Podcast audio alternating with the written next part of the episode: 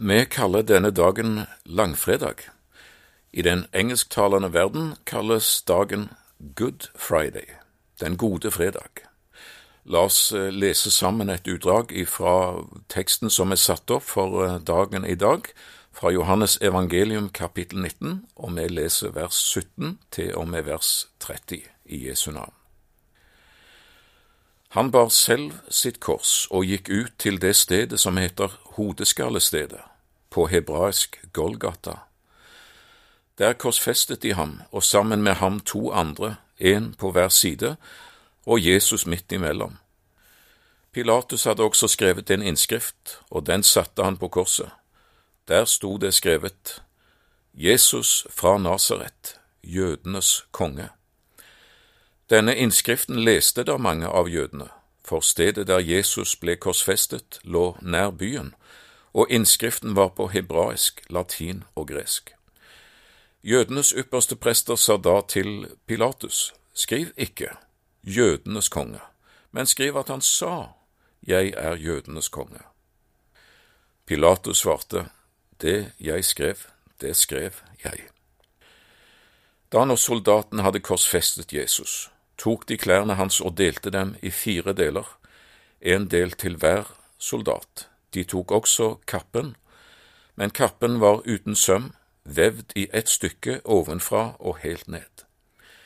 De sa da til hverandre, la oss ikke rive den i stykker, men kaste lodd om hvem som skal ha den, for at Skriften skulle bli oppfylt som sier, de delte mine klær mellom seg og kastet lodd om min kappe. Soldatene gjorde da dette. Men ved Jesu kors sto hans mor og hans mors søster Maria, Klopas kone, og Maria Magdalena. Da når Jesus så sin mor og den disippelen som han elsket stå der, sa han til sin mor, Kvinne, se, det er din sønn. Deretter sa han til disippelen, Se, det er din mor og fra den stund tok disippelen henne hjem til seg. Etter dette, da Jesus visste at nå var alt fullbrakt, og for at Skriften skulle bli oppfylt, sier han, Jeg tørster. Det sto et kar der, fylt med vineddik. De satte da en svamp fylt av eddik på en isoppstilk og holdt den opp til munnen hans. Da Jesus hadde fått vineddiken, sa han, det er fullbrakt, og han bøyde sitt hode og oppga sin ånd. Han bar selv sitt kors. Sånn begynner teksten. Det kunne stått annerledes. Det kunne for eksempel stått at han bar selv vårt kors. For korset var vårt. Langfredag er den store dommens dag, den bestemte dagen for snart to årtusener siden, da hele menneskehetens synd var samla og blei båret opp på korset. Min synd var der, din synd. All synd var der og fikk sin dom. Så korset var vårt, og likevel, med åpne øyne, skriver Johannes, han bar selv sitt kors. Det er som det uttrykkes i en påskesang. Når jeg nå ser hans tornekrans og ser på hans kors som det var, da kjenner jeg dypt, den var ikke hans, nei, min var den burde han bar, det kors som min frelser har båret som sitt, var mitt, var mitt. Trygve Bjerkreim eh, formidler noe av denne samme både undring og takknemlighet når han skriver så vil ved korset jeg stanna, med undring jeg ser, jeg er fri. Jeg skal ikke dø, jeg skal leve med Jesus til evig tid. Han bar selv sitt kors. Personlig bar han vår synd, vår straff, vår død, som sin egen. Aldri kan vi helt til fulle forstå hva det egentlig rommer og innebærer at han som ikke visste av synd, har Gud gjort til synd for oss, for at vi i ham skal bli rettferdige for Gud. Han bar selv sitt kors, og Peter utmaler det i sitt første brev, kapittel 2 og vers 24. Han som bar våre synder på sitt legeme, på sin kropp, opp på treet. Så fikk Jesus bærehjelp underveis. Simon fra Kyrene ble tvunget til å bære det rent fysiske korset av tre, siste etappe, men byrden av verdens synd, den bar Jesus alene. Der var det ingen bærehjelp å få. Alene møtte han Gud som eneansvarlig for alles synder. De ankom hodeskallestedet på hebraisk Golgata, der korsfestet de ham, vers 18. Og Jesus ble korsfesta mellom to røvere, vers 18. De var ikke hvitsnippforbrytere. Det greske ordet betyr voldskriminelle, altså mennesker med blod på sine hender og meget sannsynlig med menneskeliv på sin samvittighet. De hadde virkelig kvalifisert seg til korsdøden, og mellom to slike ble Jesus plassert. Eh, den kjente pinseevangelist Emanuel Minos ble ved en anledning intervjua av ei skandinavisk eh, skandaleavis, og de spurte blant annet er du høyre- eller venstreorientert. Da svarte Emanuel se på Golgata, der hang Jesus mellom to røvere. Han rakte si hånd ut både til den på sin høyre og på den på sin venstre side. Jeg er derfor Golgata-orientert. Ja, gi at det måtte være sånn at vi var Golgata-orientert. Og han er en virkelig frelser for virkelige syndere. Den ene av disse to voldskriminelle mottok Jesu utdrakte hånd og gikk med sin frelser hjem til paradis. Den andre, etter hva vi vet, avviste mesteren men så er Jesu frelserhånd i dag utdrakt til deg, og Herrens hånd er ikke for kort til å frelse.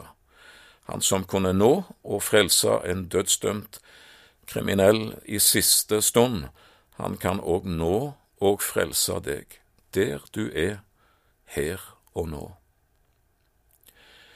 Pilatus, landshøvdingen, sørger for å få en provoserende innskrift festa over Jesu hode på korset vers 19–22. Jesus fra Nasaret, jødenes konge. Det var et siste pek til de som hadde pressa herr Pilatus til å korsfeste Jesus. Endatil hadde han sørga for å få skrevet det på tre språk, hebraisk, jødenes eget språk, så på latin, maktspråket, det mektige romerske imperiums stolte språk, og så på gresk, litteraturens, filosofiens, de lærdes og store tenkeres språk, og latin og gresk var jo òg verdensspråkene. Ja, til alle mennesker, til alle tider, på alle språk, til høy og til lav, lek og lærd, skal det kunngjøres Jesus er kongen, jødenes konge og kongenes konge. Skriv heller at han sa at han påsto å være jødenes konge, sa forarga ypperste prester. For en gangs skyld var Pilatus ubøyelig. Det jeg skrev, det skrev jeg. Punktum. Jesus er konge. Ja, så var det òg en annen innskrift på korset denne dagen, men den var ikke synlig for det blotte øyet, og det var ikke Pilatus som hadde skrevet den. Gud sjøl hadde sørga for dette denne innskrift, og det var et anklageskrift mot den korsfesta. Der kunne Pilatus ha lest sitt eget synderegister, ypperste prestene likeså, og du og jeg òg. Skyldbrevet som gikk oss imot, Kolosserbrevet 2 vers 14, det tok han bort idet han naglet det til korset. Vidunderlige ord. Så hvem er han, denne mannen fra korset? Jo, han er kongenes konge, og han er synderes venn. Visste du hvem han er, og hvem du er, da kunne du ikke unnvære han. Videre forteller vår tekst om soldater som utførte ordren og korsfesta Jesus, og som delte hans klær mellom seg. Men hva skulle de gjøre med kappen? Det var jo en viss verdi i den. Den var heil uten søm, vevd i ett stykke, ovenfra og helt ned, vers 23. Skulle de dele den i fire og ta hver sin del? Nei, vinneren tar alt. La oss spille terning kaste lodd om den, og en av soldatene kunne den dagen løfte armene i triumf og si Yes, det blei meg. Og Hans Erik Nissen skriver i sin andaktsbok om dette. Da Jesus ble løftet opp på korset, lå en hel og fullstendig kledning ved korsets fot. Den første langfredag kunne en synder gå hjem fra Golgata iført Jesu kjortel. Den dekket ham fra øverst til nederst. Det er en vakker anskuelse. Åndelig talt, Jesus vant deg en fullkommen rettferdighet på korset. Der ble han ikledd dine gjennomskitne syndefiller, og i bytte fikk du hans fullkomne rettferdighetsdrakt, vevd i ett stykke, uten sømmer og noe lappverk, heildekkende, fra topp til tå ovenfra og helt ned. Intet under er større enn en frelst synder, og ingen er rikere enn henne og ham som er kledd i denne frelsesdrakt, denne rettferdighetskappe. Jesus vant deg den på korset, og derfor er langfredag òg the good Friday, den gode fredag. Så er du jo kledd for himmelen. Vers 25–27 handler om kvinnene som ble stående ved Jesu kors da nesten alle mannfolk, med ett unntak, stakk av, og det handler om den døende Jesu omsorg for sin mor Maria. Men så er Jesus nå ved veis ende. Ennå hviler mørket over Jerusalem, som det har gjort fra den sjette og nå til den niende time.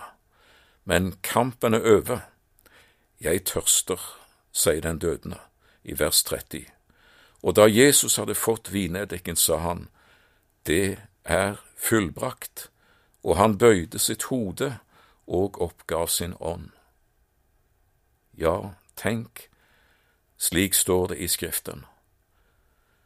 Den danske domprost Martensen Larsen skrev en gang ei bok med tittelen Tvil og tro, og der fabulerer han litt og tenker seg at kanskje Gud i himmelen har en svær bibel med meget bred marg, og ved hvert vers har Gud altså personlig skrevet navner på de som ble frelst ved nettopp dette bibelvers, tenker domprosten.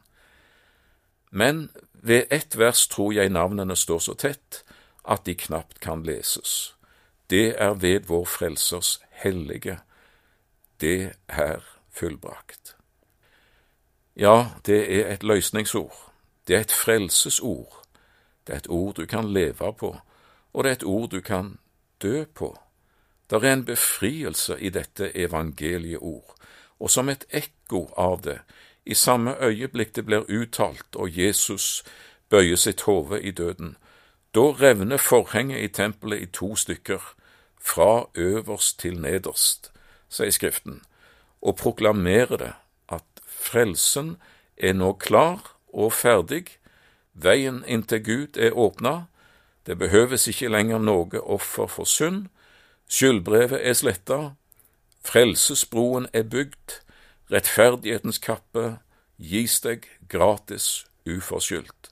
Kom, ta imot, for det er fullbrakt. Og så tenner Herren lyset over Jerusalem og over Israel. Nettopp i dette øyeblikk så skinner sollyset over landet igjen. For nå er frelsen fullbrakt, og seier er vunnen. Og det var for deg, det var for deg, Jesus kjempa og vant.